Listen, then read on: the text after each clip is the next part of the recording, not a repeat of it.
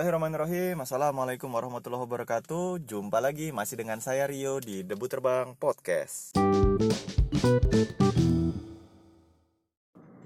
Baik, di sesi podcast kali ini saya ingin menjelaskan perbedaan antara spiritualitas Islam dengan spiritualitas misalnya uh, yang masyhur di dunia timur Kayak spiritualitas Buddhism misalnya ya. Tanpa ada tendensi untuk menyalahkan sana sini tidak, tetapi ini untuk supaya lebih mengerti satu satu sama lain bahwa oh Islam pendekatannya begini, kalau spiritualitas lainnya pendekatannya seperti ini gitu ya. Ada sebuah cerita, ada sebuah cerita mengenai uh, seseorang yang sedang kehilangan. Jadi ada seseorang yang sedang kehilangan sapi dia pergi mencari-cari sapinya yang hilang terus di tengah jalan dia bertemu dengan seseorang yang sedang mengajar para murid-muridnya dia bertanya hei apakah kalian melihat uh, sapiku yang hilang? Aku tidak sanggup mengalami dua kedukaan sekaligus katanya. Dia bilang gitu. Lalu seorang yang ditanyai tersebut uh, mengatakan emangnya apa yang terjadi? Orang yang kehilangan ini mengatakan bahwa saya baru saja mengalami kehilangan 12 sapi milik saya. Setelah sebelumnya hama menyerang dan memusnahkan semua kebunku. Dia bilang gitu. Yang ditanya karena tidak tahu dia bilang waduh saya tidak melihat sapimu coba cari barangkali ke arah sana karena kalau ke arah sini saya nggak melihatnya. Lalu orang itu yang kehilangan tadi pun pergi. Setelah orang kehilangan pergi itu tadi uh, orang yang ditanya karena dia sedang mengajar para muridnya kemudian dia menghadap para muridnya dan berkata bahwa murid-muridku tahukah kalian bahwa kalian adalah orang yang paling bahagia di dunia. Kenapa? karena kalian tidak punya sapi dan kalian tidak punya kebun untuk mengalami kehilangan. Orang bijak tersebut adalah seseorang yang sangat terkenal sampai sekarang, seorang pangeran yang meninggalkan uh, tahta kerajaannya karena untuk menemukan jawaban pencarian makna hidupnya. Beliau adalah Siddhartha Gautama atau yang biasa dikenal sebagai Buddha ya, orang yang tercerahkan.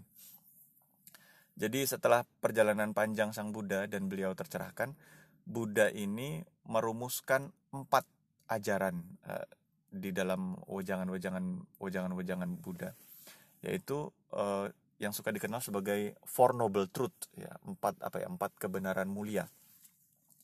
Yang pertama, seperti wejangannya mengenai keba mengenai uh, kebahagiaan kepada para muridnya tadi. Jadi yang yang pertama adalah menyadari bahwa ada sebuah realita yang bernama kedukaan, suatu yang tidak nyaman, yang tidak enak itu ya. Jadi mengajarkan bahwa nih kedukaan itu eksis. Jadi saya pun baru tahu juga bahwa kita suka bilang kalimat duka, duka itu berasal dari tradisi tradisi spiritualitas uh, timur ya. Jadi kedukaan, menyadari ada sebuah realita yang bernama kedukaan. Kemudian yang kedua, menyadari bahwa kedukaan ini disebabkan oleh keinginan-keinginan. Jadi eh, yang kedua adalah setelah kita menyadari bahwa ada realita yang bernama kedukaan, kita menyadari bahwa kenapa kedukaan bisa muncul. Kedukaan bisa muncul karena keinginan-keinginan manusia. Itu yang kedua. Yang ketiga, yang ketiga itu adalah menyadari bahwa kedukaan bisa dihilangkan karena eh, kedukaan bisa dihilangkan dengan cara melepaskan kelekatan manusia terhadap keinginan-keinginan. Logis ya premisnya ya. Jadi yang pertama mengenal ada ada realita bernama kedukaan. Kedukaan manusia ini disebabkan oleh keinginan-keinginan manusia itu sendiri atau kelekatan manusia terhadap keinginan-keinginan itu ya. Terus manusia supaya tidak berduka, caranya adalah dengan melepaskan kelekatan-kelekatan kita terhadap keinginan itu. Itu yang ketiga. Lalu yang keempat, yang keempat itu adalah cara cara praktisnya lah untuk melepaskan uh, melepaskan kelekatan-kelekatan itu dengan menjalankan uh, apa ya delapan delapan jalan ya delapan jalan. Yang mana kedelapan jalan ini semuanya bagus-bagus semisal berpikir benar bertindak benar berkata benar dan seterusnya ya.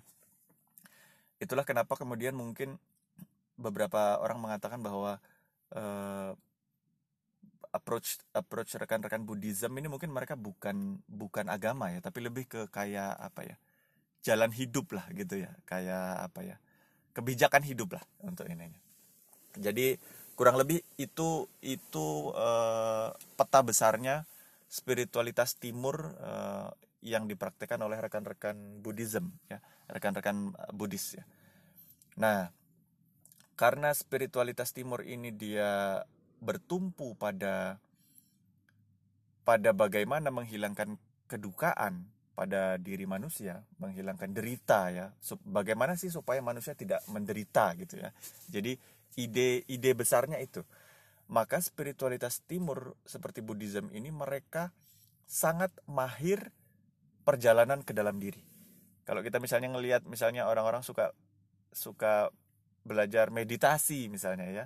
Apa sih yang mereka lakukan pada saat mereka meditasi? Itu mereka berjalan ke dalam dirinya sendiri, meren, apa memasuki relung-relung batinnya kemudian menyadari misalnya oh ini saya punya pikiran ini pikiran ini seliweran gitu ya lalu melepaskan keinginan terhadap pikiran-pikiran pikiran-pikiran dibiarkan ditonton doang gitu sampai akhirnya lama-lama terpisah antara sang pengamat di dalam diri dengan apa yang ditonton berupa pikiran-pikiran yang seliweran itu. Lama-lama kita jadi tahu oh diri saya ini begini ternyata. Oh saya punya punya pikiran-pikiran begini. Oh saya punya emosi-emosi begini gitu-gitu. Oh ternyata pikiran-pikiran ini bukan diri saya toh. Pikiran-pikiran ini adalah produk dari pengalaman-pengalaman saya gitu ya. Jadi perjalanannya begitu. Mereka pandai sekali untuk masuk ke dalam dirinya mer, me, apa ya merenungi relung relung batin mereka sendiri kemudian melepaskan kelekatan-kelekatan terhadap eh, memori-memori masa lalu kelekatan-kelekatan terhadap cara pandang mereka terhadap emosi gitu. Sampai mereka menjadi orang yang jernih lah istilahnya. Dia bisa melihat jernih karena uh, tidak lekat lagi dengan apa angan-angan tidak lekat lagi dengan banyak keinginan-keinginan gitu. Seperti seperti yang yang biasa kita lihat orang-orang yang orang-orang yang tercerahkan lah. Nah karena menyadari bahwa betapa kajian mengenai mengenal diri ini ya sebenarnya ini kan kajian yang luar biasa keren lah ya. Keren penting gitu misalnya ya. Ini ini ini ini penting dan dan berguna sebenarnya. Kalau orang bisa mengenal piranti-piranti dirinya sendiri sampai orang bisa ini kan kayak lebih kayak apa ya kontemplasi ke dalam ya. Kalau orang bisa kontemplasi ke dalam seperti ini kan ini bagus. Tetapi tetapi pertanyaan saya adalah kenapa poin-poin mengenal diri, merenung ke dalam tafakur kontemplasi seperti ini, meditasi misalnya begini ya, ini tidak saya temukan dalam spiritualitas Islam. Jadi ini pertanyaan ini lama banget menggelayuti diri saya sendiri. Kenapa selalunya saya menemukan kajian ini pada spiritualitas dunia timur. Jadi saya cari-cari ke mana kok tidak ada di dalam Islam. Ada pun sebagian lah ya mungkin dalam dalam dalam beberapa kajian spiritualitas Islam ada ditemukan e, bahasan subbab mengenai mengenal diri tetapi sering kali ini tidak menjadi hal yang pokok. Kenapa? Belakangan saya baru memahami bahwa pendekatan spiritualitas Islam mereka memiliki approach yang berbeda ya, memiliki pendekatan yang berbeda. Jadi spiritualitas Islam ini mengawali perjalanannya dengan pengenalan akan Allah Subhanahu wa taala. Jadi ini beda. Jadi yang kalau kalau yang spiritualitas timur dia lebih menekankan kepada manusia mengenali uh, dirinya sampai dalam melepaskan kelekatan-kelekatan hingga akhirnya dia bisa lepas dari kedukaan dan derita gitu loh untuk ininya. Kalau kalau di spiritualitas Islam dia memulai dengan pengenalan terhadap Allah.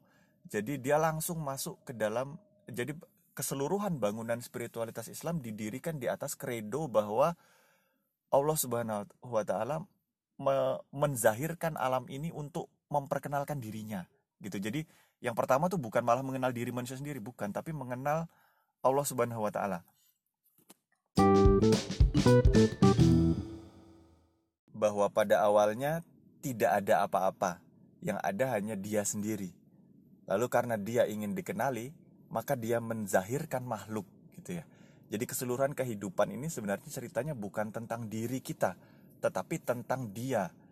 Nah, cara dia menceritakan dirinya kepada kita makhluknya adalah dengan menzahirkan berbagai macam cerita dalam kehidupan kita sendiri itu loh. Jadi kalau spiritualitas Islam dia dia dia dimulai dari kredo itu. Maka maka kalau dalam kajian spiritualitas Islam bagaimana cara untuk menghilangkan kedukaan misalnya derita ya? Bagaimana supaya kita tidak tidak kita lepas dari penderitaan? Dia tidak mem memfokuskan kepada perjalanan masuk ke dalam batin kemudian melepaskan kelekatan terhadap keinginan-keinginan dia. Beda. Dia lebih ke sadari bahwa kehidupan ini adalah ceritanya Tuhan. Apa pun kejadian dalam hidupmu itu sebenarnya Tuhan sedang bercerita kepadamu. Sampai ujung-ujungnya orang menjadi apa ya uh, menjadi menjadi mengerti bahwa oh ini nih Tuhan sedang bercerita kepada saya. Oh ini sedang ada cerita begini. Jadi pada saat seseorang katakanlah misalnya uh, orang berzikir, kadang-kadang saya punya banyak teman-teman yang mereka bingung pada saat mereka berzikir nih apa bedanya dengan approach meditasi. Ini memang berbeda.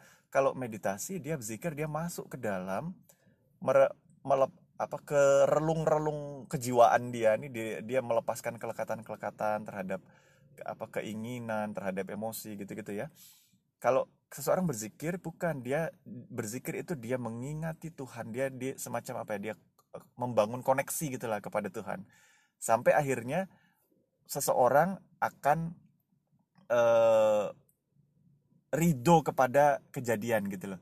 Lalu dia menemukan hikmah di balik kejadian-kejadian hidup gitu. Maka itulah kan dikatakan itulah artinya Islam itu Islam itu artinya menyerah gitu salah satu artinya ya. Submission to the will of God itu dia ininya. Karena karena sudah mengetahui bahwa keseluruhan tatanan kehidupan kita ini sebenarnya ceritanya Tuhan. Lama-lama orang lepas dari konteks diri dia. Dia kayak oh bukan tentang saya nih hidup ini rupanya gitu loh. Lama-lama orang lepas dari konteks dirinya karena dia selalu mengaitkan terus kehidupan ini dengan ceritanya Tuhan. Jadi saat seseorang sedang berzikir dia tidak dia bukan sedang mengamati lintasan pikiran, mengamati lintasan emosi, melepaskan kelekatan terhadap keinginan, bukan. Tetapi sebenarnya dia sedang bersandar kepada Sang Pencipta. Nah, kebahagiaan akan dia bisa raih dengan menyadari realita takdir, lalu berpasrah kepada Sang Empunya kehidupan gitu untuk ininya. Jadi memang memahami dua perbedaan pendekatan ini membuat kita lebih bijak ya lebih bijak. Jadi kita lebih lebih tahu bahwa oh ini pendekatan spiritualitas timur begini pendekatan spiritualitas Islam begini gitu. Dan dan mungkin ini mudah-mudahan juga menjawab pertanyaan beberapa orang teman-teman yang kadang-kadang mereka juga bingung juga apakah kalau saya meditate misalnya apakah apakah itu sebenarnya sama aja dengan saya berzikir untuk itu. Dia sebenarnya dia beda. Jadi uh, di dalam kajian spiritualitas Islam juga ada juga beberapa orang arif yang mengajarkan uh, kita mengenal diri dengan cara masuk ke dalam misalnya gitu ya. Tetapi dia tidak menjadi uh, porsi besar di dalam kajian. Dia sebatas untuk mengenalkan manusia tentang piranti-piranti dirinya sampai bertemu dengan uh, apa pengamat yang ada di dalam dirinya. Sampai sampai sampai dia mencapai posisi itu lalu sisanya lebih kepada membangun koneksi kepada Tuhan dan melihat kehidupan sebagai ceritanya Tuhan. Oke, okay, baik itu aja uh, sharing kali ini. Ini berangkat dari keinginan untuk lebih saling memahami uh, antara perbedaan approach berbagai macam spiritualitas. Semoga bermanfaat buat teman-teman semua. Uh, sekian dulu, jumpa lagi di lain kesempatan. Wassalamualaikum warahmatullahi wabarakatuh.